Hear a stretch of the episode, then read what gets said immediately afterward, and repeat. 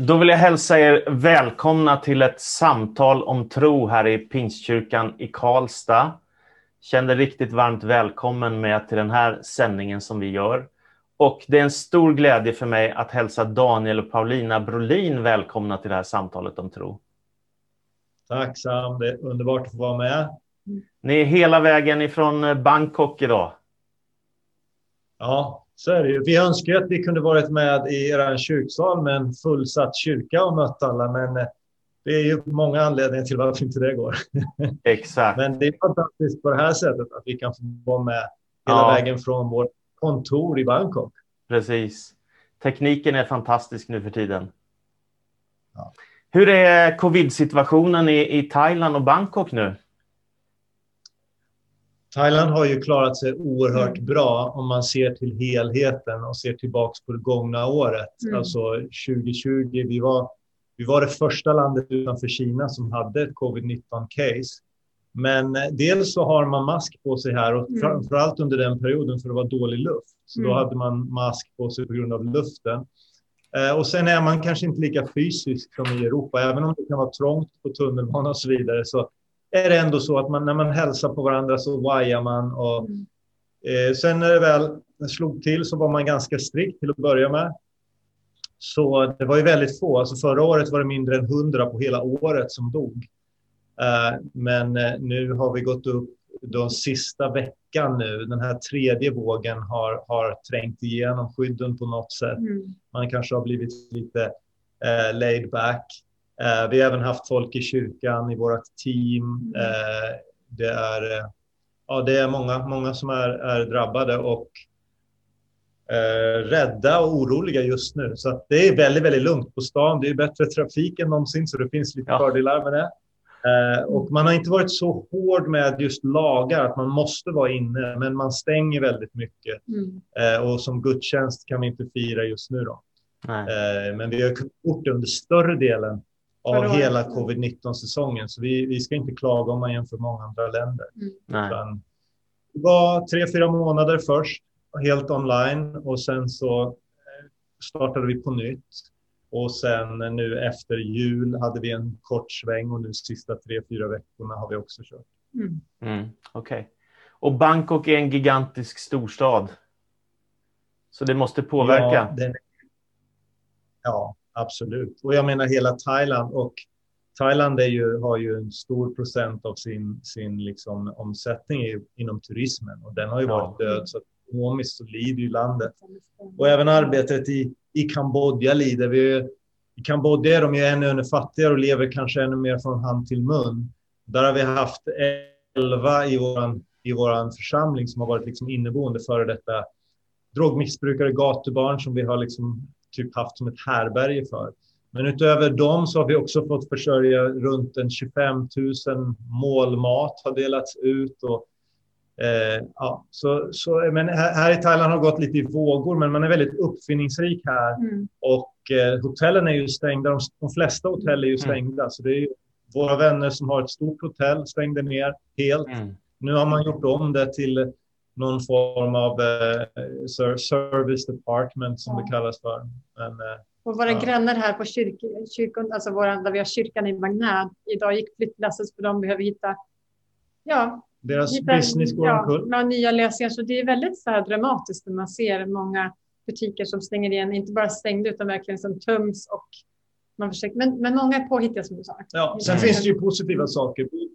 Vi eh, har rest en hel del till en stad som heter Pattaya som är mm. kanske världskänd för att vara liksom huvudstaden av trafficking och eh, mm. ja, den, den hela, hela eh, ja, men slaveriet som har med sexindustrin att göra. Mm. Där, där hela, alltså en hel, där man säger att en hel, alltså 25 000 eller 30 000 människor är alltså heltidsanställda inom sexindustrin. Oj, oj, oj. Så det är ju liksom som ett helt Enköping. Mm. Uh, och uh, där ser vi ju nu att det finns ju positiva sidor för att hela den Red Light District är, har ju varit stängt mm. i snart ett ah, år. Okay. Eh, men det påverkar på andra sätt, negativa sätt också. Men mm. ja, det är, det är... Det är någonting som vi verkligen ber till Gud om. Är det ett nästa steg för Life Church att gå in i Pattaya, men det behöver vi hjälp med förbönen för det är viktigt att man beräknar kostnaden innan man startar Ja. upp en ny kyrka. Ja. Vi har Connect-grupp i Pattaya. Vi har människor som har rest från Pattaya in till Siam-gudstjänsten. Så det finns ett, ett antal människor som är hungriga och Mm. åker in till kyrkan i i Magna. Mm. Nej, i. Men, eh, men Daniel och jag, barnen, vi har åkt dit någon gång så här, en natt så där, över helgen innan söndagen. Och vi har bett mycket, åkt runt där och bett på de där tomma gatorna. Och, och vi åkte igenom Walking Mm. Street och eh, det var väldigt mäktigt kände jag personligen. Eh, Mm. att få bara se att allting är stängt och vi får proklamera att Jesus är Herre i de här mörka, eh, trasiga områdena. Och det var två kvinnor som bara låg på gatan och verkligen. liksom, de var helt, det var som att de var demoniserade, de var så smutsiga och de bara sträcker ut händerna efter en man går. Liksom så, här. Mm. så att det är ju Ja, jätteviktigt att när man går in i områden att man också Ja. går in Men, men, eh, ur full kraft. Så det Jag kan ber bara berätta en historia. Det var att vi, vi, vi upplevde att vi skulle till en butik, en, en hårfrisör. Mm. eh, Och vi behövde ja, men fix, fixa oss helt Det var bara enkelt. ett behov av att Ja. klippa sig. Ja. Men vi, vi liksom, ja men vart ska vi gå? Så bad vi. Vi kände liksom något speciellt på vägen dit. Mm. Och när vi kommer dit så pratar vi med en man och en hustru. Och Paulina får prata med hustrun i kanske en timme och jag med mannen i en Mm. timme. Och det Hon är slutar med, thailändska och ja, han det är slu, amerikan. han är amerikan, hon är thailändska. Men det slutar med att men, kan ni inte komma och starta kyrka här? Ja. Alltså det, är så- det är de orden de använder på Som engelska. Wow. Macedonian Call. Så vi får se. Vi ber över det. Precis. Så var gärna med och be för det. Det gör vi gärna. Och Thailand är ju en eh, gigantisk utmaning med tanke på att det är ett ganska buddhistiskt land, eller hur? Ja. Mm. Ja, alltså folk har ju ingen aning om vem Jesus är. Eh, det Ja. finns inte ord nåd, det får vi förklara i Sverige också vad det är va? det, och vad rättfärdiggjord är. allt. Men det, de orden finns inte i det thailändska vokabuläret. Eh, och, och just Jesus. Eh, men, men det finns också ett, ett intresse, eh, en nyfikenhet som jag tror är kanske större än någonsin. Mm. Jag tror att det är tid. Nationen skakas ju både politiskt och sen nu med covid-19. Det har Mm. varit förändringar där världens eh, alltså, längsta regent har lämnat över makten till en son. Och allt det här påverkar. Det är som ett skifte just nu i nationen. Så be för oss. Vi Mm. tror ju, framförallt för Bangkok, vi tror ju att vi ska få se så många, många människor Mm. eh, lära känna Jesus här. De Mm. flesta har ju aldrig hört. Mm. Mm. Eh, och, och det står ju någonstans. Eh, Paulus säger det att de som inte har hört, de ska förstå och ta emot. Ja. Så här finns det potential. Mm. Spännande att jobba med mission och spännande att få vara pastorer i Thailand. Det är underbart. Om vi börjar lite från början då. Om vi ska presentera er också. Vilka är ni Daniel och Paulina? Om ni säger något om er själva. Mm. Jag är en eh, Västeråstjej. Jag bodde hemma tills jag gifte mig. Hela vägen. Jag var 21 år när jag gifte mig. Så jag visste inte hur man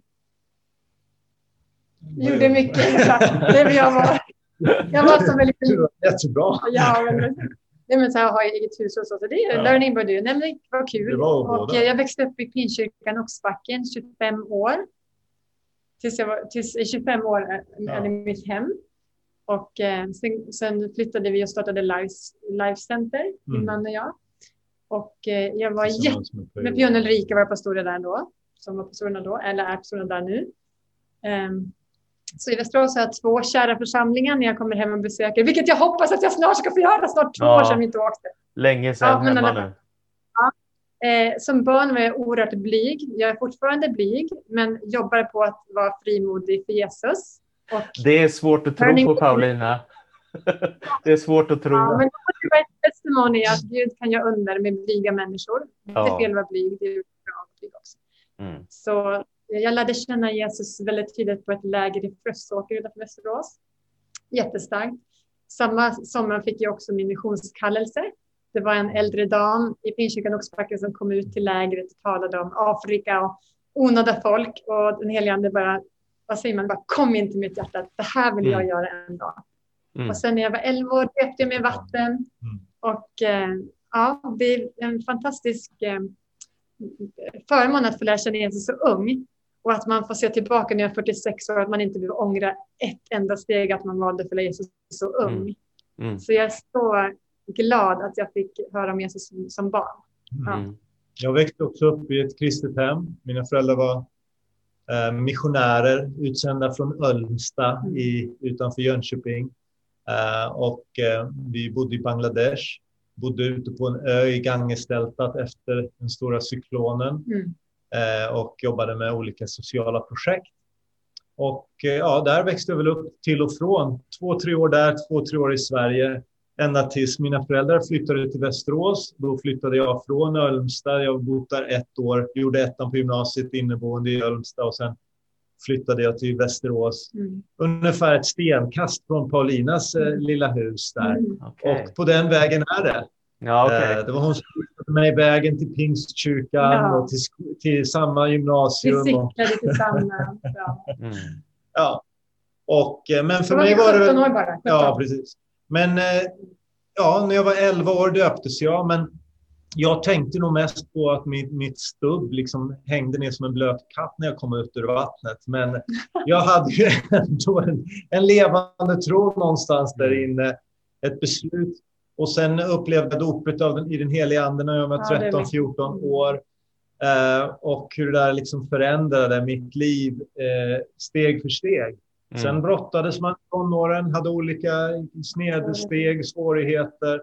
Men eh, när jag mötte Paulina och när vi mötte, när vi mötte kom till församlingen i Västerås, även året innan skulle jag säga, det år, första året på gymnasiet betydde oerhört mycket. Då var det Anders Olsson som Mm. också har Karlstad-anknytning. Mm. Jaha, Eh, pastorn. Han, pastorn var, ung. han, han var, hans första fält tror jag, om jag inte minns fel, var i Ölmsta. Och, Tack eh, Jesus för Anders. Ja, han tog sig an oss och, eh, och liksom drog igång bönenätter och vi bad för våra klasskompisar och vi fick se två, tre kompisar komma till tro och just det där satte en oerhörd prägel. Så när jag kom till Västerås så sökte man det där och då fanns det en grupp, Paulina var en del av den gruppen som verkligen, ja men en gudslängtan, väckelselängtan, Mm. att tjäna Gud och, och eh, Vi hade ju bönegrupp på skolan på Rudbeck Ja. där du kom. Och det var på något sätt i den där miljön. Det var där också när pastor PJ kom eh, och eh, blev ungdomspastor där samtidigt. Så så det var ett momentum, ett, ett speciellt momentum som betydde väldigt mycket för oss ungdomar. Mm. Eh, och det var många i den, den generationen som också gick bibelskolor och som, Mm. som eh, ja, upplevde någon, någon form av, av liksom att vi vill ta det här på allvar. Mm. Mm. Ja, vad spännande. Intressant och så fantastiskt att ni möttes också genom att ni flyttade då till Västerås. Ja, precis. Ja, ja häftigt. Alvar Henriksson och Solo betyder mycket för Daniel och mig också i Ja. våra eh, förhållande och äktenskapsprat och sånt där. Ja. Mm, mm. Ja. Det där med kallelse, det har ni redan varit inne lite grann på, men det är ju rätt häftigt. Vad är det som gör att unga människor börjar fundera på, inte att bli läkare eller journalist eller lärare eller något, utan få en känsla för jag ska iväg till ett annat land och tjäna Gud. Hur går det där till? Det är ju, det är ju ganska dramatiskt egentligen. Ett Mm. stort Ja. steg. Alltså jag brukar ju göra en liten disclaimer alltså när jag pratar om just kallelse. För att jag tror att vi lätt talar om eh, då heltidstjänst eller att man är kallad till ett specifikt land. Mm. Jag tror först och främst är det att vi är alla kallade och vi är kallade till gemenskap med Jesus. Mm. Och vi är kallade till hans församling.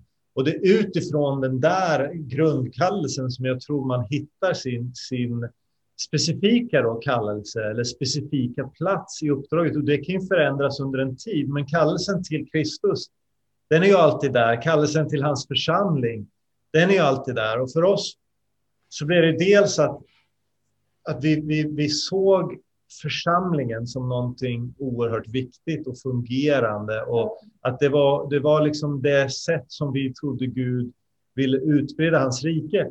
Och även om vi inte såg oss alls, jag såg mig inte alls som pastor, eh, men, men kanske snarare om att vi, vi vill liksom nå människor som inte har hört. Det där växte sig starkare och starkare redan långt innan vi hade träffat varandra egentligen. Eh, Att det finns någon form av orättvisa som, som vi måste ta tag i. Det är inte schysst att, att det finns människor som ännu inte hört en enda gång. Mm. Som inte har chansen att gå in eller gå till en kyrka eller Mm. att ens möta en kristen. Jo, och jag minns så väl när jag var i årskurs 6, när jag var bara barn. Alltså precis hade jag några år tidigare tagit emot Jesus i mitt hjärta. Och så fick jag den här liksom idén, ja, för i kyrkan då hade vi fått så Jedonitbiblar, du vet, som man kan ge ut gratis. Och så vart jag så här eld och lågor, ja men min klass ska få de här biblarna. Och du vet så här, ja lite naiv Paulina som jag är ibland då. Ja. Så jag bara, ah, men det kommer bli så bra, tack Jesus, nu ska jag få biblar. Och så minns jag så väl en av grabbarna, han bara tog bibeln framför mig och bara rev den mitt itu. Liksom. Och jag vart så bara, nej! Jag visade ingenting för honom, för jag, den tiden var jag ganska blyg. Visade ingenting, men inom mig så var det som någonting som bara brast. Och jag bara kände, hur bortskämda är vi? Att Mm. liksom här får vi Guds ordet som en gåva och det vi gör, vi bara river sönder det. Så är det så Ja. vi är i Sverige. Liksom. Och så Mm. vet jag också, den, här, den berättade om innan, den här missionären som hade berättat något, folk som aldrig hört om Jesus, som aldrig hållit en bibel i sina händer. Mm. Och det var någonting där heliga vrede som jag faktiskt tror finns någonting som heter kanske helig vrede. Men jag förlät ju honom såklart. Han är fri, Ja. han är förlåten. Så Ja. ingen bitterhet. Men Liksom att Gud kan använda sådana här liksom Ja. situationer för att också resa upp oss upp, att det inte blir så här namn, inte bara bli så här äh, conform into, vad säger man, fastna i det här liksom mediokra, utan Gud han kan använda sådana saker Ja. till att liksom vi reser oss upp. Sen var det ju så här att vi hade ju inte en tanke på Thailand. Nej. Thailand, det var ju liksom, det var ju dit alla svenskar åkte för att semestra. Det var inte på våran karta. Men vi fick faktiskt ett väldigt, väldigt konkret tilltal. Mycket var ju också så att vi, vi brottades med Gud. Efter den tiden att vi har varit med och startat Life Center i Västerås, så där gav vi liksom järnet. Vi tänkte att här, nu är det här vårt livsverk, att vara med och bygga det här. Och Jemima hade precis fötts, Ja. år 2000 till 2007 Ja. var vi där. Ja. Men så Mm. var det någonting, fem, sex år, eh, så upplevde vi hur Gud liksom väckte upp den där missionskallelsen. Det Mm. var ju så att efter, precis innan Life Center startades, eller två, tre år innan, så var vi ute som missionärer i Kaukasien och Mm. hamnade då i fångenskapen, kidnappade i 165 dagar. Och när man då kom tillbaks, det första vi tänkte på var att vi ville åka tillbaks till de där folken Mm. som inte hade hört om Jesus. Utan nu var det Mm. bara hem och ladda om på ett nytt sätt. Och, men så upplevde vi hur Gud faktiskt talade till oss båda två individuellt genom ett bibelord. Ja. Paulina troligtvis först och jag var väl lite mera seg så jag hörde lite mer långsamt. Men jag upptäckte en dag när jag satt och läste min bibel att Gud talade till mig om den här bibelversen. Och sen känner jag under fikabordet så sitter en post-it-lapp.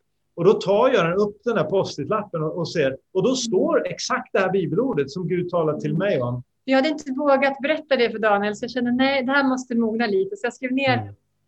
ha din glädje i Herren, eh, förbliv i landet. Ja, precis. Psalm Så- 37. Ja. Ja. Och så bara, jag, jag var inte modig nog att säga att vi ska åka ut igen som missionärer. Utan, Eller nej, men stanna, stanna, stanna. stanna, precis, ja, stanna. Så det var så här, men ja, det var häftigt. Ja. Gud Men så, så då liksom, det var då vi var med och startade Life Center. Men sen var det som att Gud väckte upp Lazarus, brukar jag kalla den där Mm. säsongen som. Det var en, en semester, en sommar då. Vi kunde inte läsa Bibeln utan att det stod om nationerna. Vi Nej. kunde inte läsa Bibeln om... Och helt plötsligt så hade vi flera barn. Eh, Vi väntade vårt... Ja, då, hade vi tre barn, men Mm. i varje fall, vi sa till Per-Johan och, och, och Ulrika, våra pastorer, och sa att vi, vi kommer nog att behöva lämna över vår tjänst, eh, fasa ungdomspastorer, ur ja. och vi behöver, vi behöver åka ut på missionsfältet. Vi vet inte när, det kanske är om, ja, det är inte just nu. Men om, Det är sånt där ja, jobbigt besked som pastorer Ja. inte vill höra. Ja, ja. Varje fall, Man vill ha det så. medarbetarna kvar hemma. Men vi, vi brottades ju och bad över det och undrade vart ska vi åka. Och eh, jag åkte till Kina, eh, besökte ett arbete där. Vi åkte till, jag åkte tillbaks Armenien. till Kaukasien, till Georgien, Turkiet. Och, men upplevde det som att Gud liksom talade till oss att nu var det, det var inte den tiden för Nej. oss. Och det var på något sätt kanske för mig då att släppa att vi åker inte tillbaks för att vi är fega, utan vi åker inte tillbaks för att Gud har någonting annat. Men Mm. jag började sortera den där tre veckorna var borta och började ska vi packa nu. Ja. Men, Ja. men det som kom fram till, det var liksom Gud, vi, behöver ha, vi har fyra barn nu, vi kan inte åka var som helst eller hur som helst. Eller, kanske åka tillbaka sen till en högriskområde på det sättet. Och nu finns det ju andra faktorer. Eh, men jag upplevde att Gud skulle tala till oss. Och jag fick ett ord eh, sent en kväll och det var ordet krungtep. Och jag hade ingen aning om vad det ordet betydde. Mm. Jag trodde det var ett nytt tungotal eller ja, ni vet, pingsten. Mm. Eh, sådär, fundera. Men eh, jag bad Gud, jag upplevde att det där är en plats någonstans. Och då tänkte mm. man, det är en by någonstans långt bort i ett bergsmassiv där, som ingen har hört talas om. Det är så vi tänkte mission mycket, ja. så Kaukasus och bergen och folk och tribes. Ja. Men vi visste att vi skulle till Asien, det hade vi känt i vårt hjärta, liksom, på olika, olika sätt. Men på morgonen gick jag helt enkelt upp och kom ihåg exakt vad det var det hette och gick och googlade det och fick 500 000 träffar på den tiden. Och då visade det sig att det är Bangkok på thailändska. På thailändska mm. så säger man inte Bangkok utan då säger man mm. Så det där var ett övernaturligt liksom, inriktning som jag tror inte vi alltid kanske ens ska söka. Men det var något vi behövde utifrån den unika sits vi var i. Ja. Och det gav oss liksom tro och kraft att börja ja, sex månader senare, lite drygt, nej, sex månader senare så flyttade vi till, till Bangkok. Så det är underbart hur Helene förberedde. Så två år innan det så hade jag börjat sortera och greja. Och det är ju, för då hade vi fyra barn. Jonathan var ju bara en månad den nej. kvällen, eller morgonen, ja. när du fick ordet. Och jag hade sagt till Gud att jag åker dit min man åker. Jag, jag, följer, min, jag följer min man. Men jag var jättechockad sen på morgonen när han berättade att vi ska till Thailand och vi ska till Bangkok. Då fick jag magknip. För jag kommer från Västerås och det är en jättefin stad. Vackra, välsignade, vänliga Västerås. Och jag var i chock faktiskt en tid. Men jag hade sagt till Gud, jag åker dit min man åker. Och på grund av att jag själv hade en tydlig upplevelse som barn, det här med mission och liksom att jag själv hade min egen tro på Jesus. Så det är det som håller mig även nu. Mm. De här åren, jag varit 14 år i Thailand. Mm. Och man märker när barnen växer upp och två av våra äldsta barn nu är i Sverige. Barnen flyger ur fågelboet så känner man mm. att det, det tar ju, liksom, nu är det två år sedan vi var i Sverige på grund av corona. Ja, nu är det ett nytt pris betalat ja. när barnen flyttar ja. hemifrån. Så nu är det hela tiden man liksom hela tiden utvärderar och ber och är vi på rätt plats, är vi på rätt plats, Gud led oss. Och vi upplever att vi är på rätt plats, men vi längtar verkligen efter att få träffa familj i Sverige. Mm, det förstår jag verkligen. Men det som jag tycker är häftigt med det är ju att ni, alltså ni gick igenom en tuff tid där, hamnade i, blev kidnappade och hamnade i fångenskap. Och, och, så känner ni ändå att ni ska resa ut igen. Det där tycker jag är häftigt och nästan lite svårt att förstå. Varför, varför vill man inte vara kvar hemma i trygga Västerås? Varför klappar hjärtat så mycket för vi ska ut ändå? Alltså den, den tycker jag både är häftig och fascinerande. Kan ni säga, alltså hur bevaras en kallelse när man går igenom en sån prövning som ni gjorde? Det var som Daniel sa, att när vi hade blivit fria från mm. Kaukasien-kidnappningen så var det ju vår största sorg att inte kunna åka tillbaka. Men sen när vi mm. fick bibelversen om psalm 37, Stay in the land, då var det ju fri där. Då fick vi arbetsro i Sverige, var det sju, åtta år. Innan vi åkte ut 2007 igen sen. Mm. Så jag tror liksom att Gud visste, ni, Gud visste att vi behövde den där Mm. Eh, vilan, att starta församling är inte direkt en vila, men man lär ju sig oerhört mycket av det jag gör i Sverige. Man har en knarkare som får, så vad heter det på trädgården? Vad heter det? Ja, vi hade cellgrupp med, ja. med, med ja, en kille som fick en över... Ja. Alltså han, han hade tagit droger och vi spelade fotboll och rätt som det faller han ner medvetslös. Ringa ambulans. ambulans. Solvägen, idylliska Solvägen. Så att vi lärde oss oerhört mycket under de här sju åren att få vara med och starta Life Center med mm.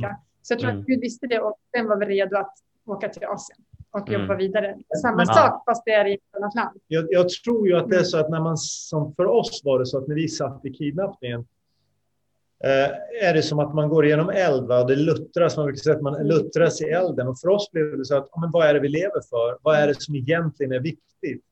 Eh, och för oss blev vi kanske ännu starkare i just våra värderingar om mission, mm. om att, få predika, ja, att vi ville ha barn, alltså saker som vi kanske inte hade tänkt så mycket på. Men äktenskapet blev väldigt viktigt för oss. Det blev en, en stark värdering ja. som vi ville liksom stärka och hjälpa andra med. Och barnen, att kunna ja. föda barn och bilda ja. familj. Och sen var det mission. Att, mm. men vi, vi har bara, om, vi, om vårt liv, det är som det står i Filipperbrevet 1 och 21, Paulus säger att ja, men jag lever för Kristus och då är döden en vinning. Att okej, okay, döden är en vinning, men mitt liv, det, det, alltså det, blir, det, här, det här counts. Nu fick vi en chans till. Vi hade kunnat dött. Eh, vi fick liksom, och då, ja men nu vill vi inte, vi vill inte wastea den. Eh, jag tror att vi, vi, vi är addicted till Jesus och det är där man måste vakta ja. sig. Att Jesus först och sen så äktenskapet och barnen och sen församlingen. Men vi är ju addicted till att vilja göra Guds vilja. Liksom. Och det är ja, man... jag, jag, tror att alla egentligen vill väl det. Men och så är man oss, beroende. ja, för mm. oss handlar det om det också är liksom att just fronten. Att ja, det... där, jag menar, här, man kan ju få vilket jobb som helst i Bangkok mer eller mindre. Eh, man kan flytta hit och man kan vara med och bygga Guds församling mm. eh, och göra skillnad. Alltså över hela världen måste inte... Liksom, vi kanske... Men det är ett missionsfält, även Karlstad och. Sverige ja. är ett missionsfält. Men mm. det är ändå finns någonting som handlar om att de, de, som aldrig har hört, det är där vårt hjärta bultar. Mm. Så även om vi skulle vara bosatta i, i, i Sverige och, och jobba i, i ett företag eller ja. göra någonting så tror jag ändå att då skulle vi jobba för att se de onådda få höra om Jesus. Som bor i Sverige, det skulle vara ja, Både de i Sverige men ja. också de som är liksom, hur kan vi hjälpas åt? Vi behövs mm. ju alla i det här uppdraget. Ja. Uh, vi kan inte göra det själva. Nej. Men ni fick ett tilltal. Var det som i en bönestund eller, eller hur upplevde du det Daniel? Ja, det var en bönestund. Mm. Ehm, det var en hel dag egentligen som vi sökte Gud över det. Jag fastade och bad. Och så stekte du pannkakor till barnen. Ja, de ja fast det var, det var någon dag innan. Ja. Ja. Så fick du så tid. Och så fick du det där, det, där, det där ordet som var ett namn på Bangkok. Ja. Mm. Men ja, då var, tänker jag så här att, att helt plötsligt då bege sig från trygga Västerås och ni har släktingar och vänner och en, och en ganska stor församling och allt är, allt är bra liksom så och så helt plötsligt så ska ni ut. Jag tänker mig det måste ändå varit en gigantisk utmaning att komma till den här mångmiljonstad för då, så är det 14 år sedan nu. Och helt plötsligt bara, hur drar vi igång? Hur startar vi? Vad gjorde ni? Jag menar, ni, hade, ni kom inte till en, till en kyrka, till en byggnad och, och färdiga Nej. ledare, utan ni fick ju börja från början. Ja, vi bodde först två veckor på bara på ett hotell här. Och sen så var det ju att boende och sen var det att börja på språkskola. Hitta skola och till barnen. Och sen var det hitta skola till barnen. Så det var ett väldigt åkande och vi hade ingen aning om hur trafiken var, så vi var ju bara helt slut.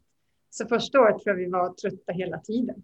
Mm. Ja, och bryta ny mark ja. hela tiden. Man får lära sig språket och sen lära ja. sig hur man gör olika saker. Bara som att betala elräkningen. I Sverige gör vi det på ett sätt, men Thailand gör man det på andra sätt. Ja. Eh, ja.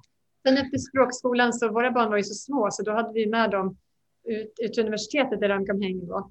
Och då minns jag hur Gud sa att Paulina, nu behöver du alltså, se till, till barnens behov såklart först. Så vi köpte någon så här jordgubbsmilkshake på så här utomhusrestaurang. Liksom lite shabbigt så, men ändå som de studenterna satt och åt och så där. Och så ge barnen först, liksom så här, se till att ni kan njuta av era barn. Mm. Och sen då började studenterna komma och, och barnen var jätteviktiga och barnen gick, tyckte det var okej okay också att de kom fram och tittade på dem. Och så där vithåriga, blonda, söta barn. Och, mm. Så att vi fick alltid, jag fick alltid lära mig att liksom, älskar man de barn väl, då kommer resten ordna sig. Och det, det kan jag verkligen testa på, eller vittna om. Att, jag tror att när man tar hand om sina barn, att de inkluderar dem, att de känner att det är roligt att vara med, då, då går det bra att starta kyrka. Sen tror jag att nyckeln är ju det, det är att mm. vi söker Gud. Ja. Alltså det kommer från insidan och det är hans verk. Det är han som har sagt att han ska bygga sin församling. Han vill det mer än vi. Ja, så att vi kan försöka springa runt och vittna och evangelisera överallt. Men Gud vet ju vilka det är. Ja. Och att vi bad till Gud, låt oss få möta rätt mm. personer. Låt oss alltid bara få möta rätt personer i rätt plats i rätt tid. Och så tar vi dem som vi möter. Mm. mm. Behöver inte springa och vara liksom men eh, det tog ju, jag menar vi vittnade ju för allt och alla som vi mötte. Vi, vi åkte taxibilarna, vi åkte liksom, eh, gick runt som familj. Och, men det var ju ingen, alla är ju väldigt positiva i Thailand, man nickar och ler. Eh, liksom, men, så vi tänkte alla är väldigt öppna. Men det, det, det var ju ingen som tog ett steg, liksom, att ta emot Nej. Jesus och liksom Eh, det där. Det var, men så var det... Men vi förberedde söndagarna. Vi förberedde fika hemma i vardagsrummet och vi bjöd in, hade bjudit in och bytt telefonnummer. Och sen så hade vi bön och fasta. Och det var ju när vi hade haft mm. bön och fasta. För att det som skedde var att vi bjöd in, men på de söndagarna så kom det inga. Så då satt vi där, och mina fyra barn, och fikade och Daniel berättade någonting om Jesus och sånt där. Liksom lekte kyrka hemma. Alltså det är ju underbart, hemkyrka. Men, men sen var det ju en granne som hette Peter och det var ju då efter bön och fasta. Ja, ja alltså grejen är att vad som skedde liksom. efter, vi, vi ja. efter sex månader ungefär så hade vi en bön och fasta ja. eh, period i Bangkok. Uh, och vi hade någon uh, svenska vänner som kommit för att hjälpa oss med barnen ja. under en period så att vi båda skulle kunna studera thailändska. Mm. Så vi sa att nu, nu ber vi och fastar vi allihop. Så vi tog en vecka och bad och fastade. Och innan den veckan var slut så såg vi tre personer ge sitt liv till Jesus. Ja. Uh, så och, kyrkan började ju hemmet i vardagsrummet. Ja. Sen... Och sen veckan efter hade vi vårt första dopförrättning. Då var det fem personer som blev döpta. Ja, och bland annat en av våra vänner som vi bett för i tio år som kom från Sverige och, ja. och wow. var med dagen och blev då döpt ja. också. Det var Spirit Island tillsammans på det ja. dopet. Ja. ja, och sen, eh, sen eh, såg vi en stor, alltså vi såg nog 20-talet som kom till tro de följande sex månaderna. Mm. Studenter. Ja, studenter och släktingar. Alltså, hjärta till hjärta var det vi har fått till oss. Att det är hjärta till hjärta. Så mm. når vi en människa så har ju den vänner runt omkring sig. Och vittnesbördet.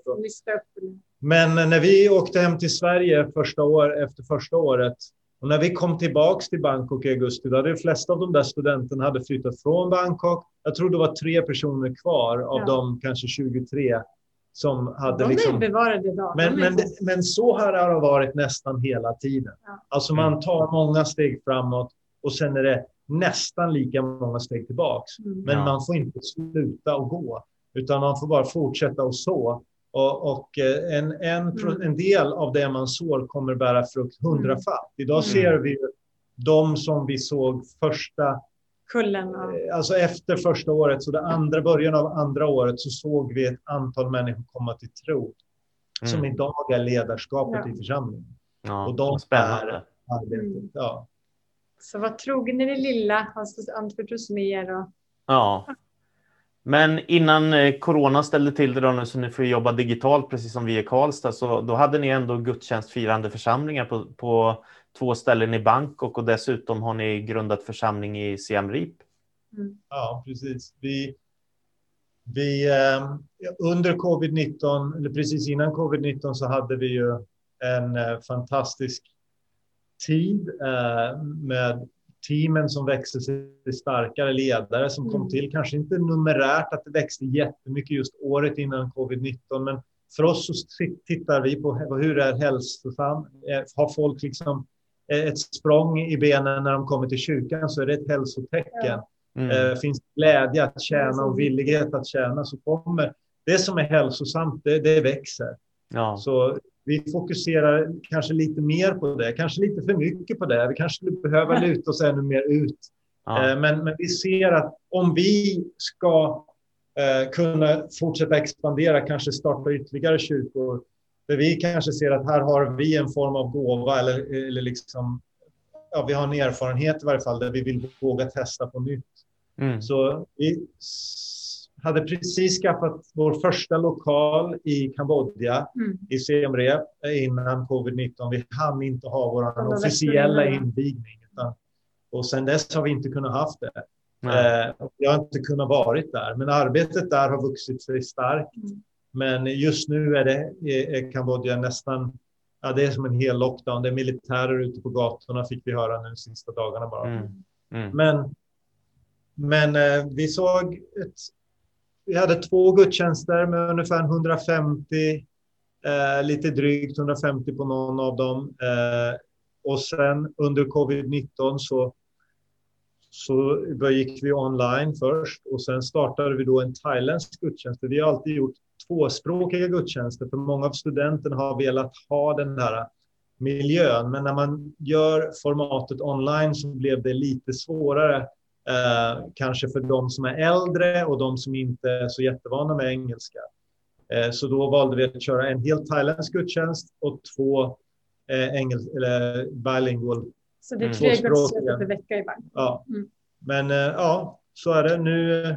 Ja. Nej, men det är underbart att se hur folk vet, som väljer att gifta sig, som du sa, att man ser hur de utvecklas och att man mm. eh, ett exempel hur man lever i kär, kärlek, tro och renhet. Ni vet i Timoteus står det. Så vi, vi, tycker att det är viktigt, men man når ut och, och jobbar inåt. Ja. Mm. Och vi tror att de här smågrupperna är så viktiga i online-säsongen, eller hur? Mm. Även fast man kan mötas så kan man ha mindre online-grupper och vissa faktiskt kan mötas utomhus. Ja, ja. ja, väl, ja min, vissa mindre grupper har ju fortsatt att mötas. Så smågrupperna är ju eh. oerhört viktiga. Att man, där får man ju det pastorala, att man tar hand om varandra, ber för varandra och får verkligen känna att man är den lilla familjen i den stora ja. familj, framtidsfamiljen. Liksom. Ja. Så det ber vi mycket för att man verkligen ska, att det ska vara så välsignat nu, de här mm. små grupperna. Liksom. Mm. Och sen har vi ju en väldigt, eh, vad säger man på svenska, en väldigt diverse, alltså en eh, det finns många olika sorters människor i vår kyrka. Ja. Vi har framförallt thailändare, men vi har även folk från hela världen. Mm. Eh, människor som har hört om Jesus för första gången i Bangkok och sådana som har flyttat hit för att man vill tjäna Jesus. Och så mm. ser man att ja, vi behöver en lokal församling och så börjar man bygga församling tillsammans. Så det finns hela skalan. Mm, många förlorade ja. ja, Vi ser det också. Många, alltså, de förlorade sönerna runt om i världen, vart mm. flyr de? Ja, många av dem flyr till Bangkok eller Pattaya. Ja. Eh, men de är också sökta av Gud. Mm. Ja. Eh, och eh, det finns människor som behöver Jesus av alla olika slag. Mm. Ja. Ja. ja, spännande. Fascinerande att lyssna på er. Ja, mm. Men i de mindre grupperna så blir det ju det här att då kan man vara lite mer homogent. Ja. Alltså då blir det mera, så där kan man gå lite djupare. Det är lite och, mer unga vuxna ja. eller de äldre kanske passar bättre. De, ja, vissa ja, det liksom ja, vissa kommer från en väldigt strikt buddhistisk bakgrund och eh, har liksom en del behöver befrielser ja. och liksom helanden på den fronten. Och då brukar det vara i de olika grupperna så blir ledarna där. Mm. Eh, de lär sig att hantera de här sakerna. Så just homogena smågrupper tror vi är, en, ja. det, det är framtiden för oss. Ja. Så det ska vi Gud för, men vi också ber om visdom hur man fortsätter att bara nourish, ge näring till det. Precis. Mm. Och vi hoppas att tiden snart tar slut när vi inte behöver vara ja. isolerade på det här sättet längre och folk får mer och mer vaccin. Men när jag tänker på er, jag tänker på ett ord, ett bibelord också från Paulus i Romarbrevet 15 och 20, då skriver han jag har satt en ära i att förkunna evangeliet där Kristi namn ännu inte är känt, så att jag inte bygger på en grund som någon annan har lagt, det står ju skrivet, de som inte har fått budskapet om honom ska se och de som inte har hört ska förstå. Dels har ju mm. ni gjort det med ert eget liv och gått ut i sånt pionjärarbete som är fascinerande och så har ni fått bli pastorer i en församling i Bangkok som ni själva fått vara med och bygga upp och se frukt av det också i Siem Reap och så vidare. Men jag tänker också, det, det kanske finns människor som sitter och lyssnar nu som också längtar efter att få vara i tjänst för Gud. Eh, mm. Kanske hemma där man bor, men, eh, kanske någon också sitter och funderar på, undrar om jag skulle ge mig ut i mission. Vad ska man tänka mm. som ung människa? Eller kanske när man har hunnit leva ett tag men går och brottas med de här tankarna om att vilja tjäna Gud på det här sättet. Vad skulle ja. ni skicka med? Och att vi är så glada för skörden är stor och arbetarna på. Vi är där för skörden de arbetare. Och jag tror också istället för att tänka och drömma om tio år ska jag göra det eller om fem år, att idag när man vaknar upp säga tack Gud för en ny dag, helig ande led mig idag. Och vem vet, det kanske är någon i ICA-kön som du behöver uppmuntra. Ja. Liksom. Det var ju så mm. vi lärde känna Tim från Bhutan som idag är pastorn i Kambodja med hans fru som han mötte här i kyrkan, Paula, en thailändska. Mm. Och att, du, att vilket land du än är i så behöver du vara ledd och kunna lyssna in den heliga andes röst, vad nu det är, hjärtat. att liksom, för det är där verkligen vi kan göra skillnad. Så att den dag någon gång vi flytta från det här landet så vill jag fortfarande leva att lyssna in den heliga ande. Vad kan jag mm. göra idag, Gud? Att det är någonting som man övar sig. Så jag tror att om du vet att du vill ut i mission så gläds vi bara så glada. Tack Jesus. Vi ber att Gud ska ge dig möjligheter och favör och idéer. Som Daniel sa, det finns sätt att man kan jobba som lärare, man kan vara eh, tekniker, ingenjör. Det finns många sätt. Sen finns det också traditionella som vi då, att församlingar i Sverige tror på visionen och är med och står in och bygger mm. kyrka mm. genom det, att man mm. ger. Så det finns så många olika sätt, men det krävs ju en uthållighet och att man verkligen vet fokus, det är det här jag vill, för annars så kommer alla tankar från sig själv och alla, alla andra och håller på och tycker och tänker. Mm. Så det är därför det är så viktigt att lyssna in den heliga ande. eh, för den här dagen i vardagen men också framtidsplanen. Så att man Mm. vet. Annars Mm. är det så lätt att det bara tror- försvinner, det rinner ut i sanden. Liksom. Ja. Mm. Vi, brukar, vi brukar säga det, det kan låta lite, eh, vad säger man, nästan kontraproduktivt. Men när människor kommer och säger att om jag har en kallelse från Gud att gå till nationerna och då gå till de som aldrig hört, då, då säger vi ofta först att ja, men, gå hem. Eh, alltså att, att börja, lev det där livet du drömmer om i ditt Mm. hem och börja Älska bygga din fru Ja. och man och och, barn. ja, och börja bygga din, ja, är man ensamstående, Ja. det är ju också fantastiskt. Att, men bygg din lokala församling för att Ja. vad vi än är kallade till och var vi än är kallade till så är det den lokala församlingen. Så Mm. låt oss alla få vara experter på Lokala eh, församlingar. lokal, hur vi bygger lärjungar i den lokala, hur gör vi Mm. lärjungar i den lokala församlingen? Hur Mm. jobbar vi tillsammans med dessa konstiga människor som Ja. Gud har satt vid vår sida? Att man lär sig Ja. där. Det är Ja, det, det är bästa. Det ser ju, det är människor och det är Guds Ja. församling vi jobbar med var vi än är. Sen kan det se på många olika eh, sätt ut. Men jag Ja. tror att det är någonstans att våga gå tillbaks där utan att släppa drömmen Nej. om nationerna eller den, men att också då dela det med sin pastor, med sin ledare, Ja, berätta. att berätta Mm. att det här funderar jag på, det här drömmer jag över, vad ska jag göra? Så Mm. kanske det finns tankar och idéer. Att måste inte alltid vara bara, vi är väldigt individualistiska och en del tror att jag och Paulina är väldigt individualistiska det kanske uppfattas så, men för oss betyder andra människors råd och stöd. Mm. Vi hade aldrig kunnat gjort det vi Nej. gör här idag om det inte vore för alla de som vi har sökt och ödmjukat oss Mm. under och Mm. sökt hjälp av Mm. och bett om stöd och förbönsstöd och Mm. Ekonomiskt stöd. Och Mm. det är någonting oerhört fint i att man får ödmjuka sig och sen se att någon tror på det som Gud har lagt ner. Ja. Det är en bekräftelse. När man kommer till den punkten, då finns det också en bekräftelse där att det är inte bara min egna eh, önskan och drömmar, utan det finns fler som tror på det och fler som kan se det i mig. Ja. Mm. Eh, och då, då finns det en skjuts Mm. Mm. eh, som gör att det, det är som en pilbåge. Ibland kanske man måste dras tillbaks Ja. och dras närmare liksom, Faderns hjärta. Faderns hjärta, men också liksom församlingens liksom Ja. hjärta, vision,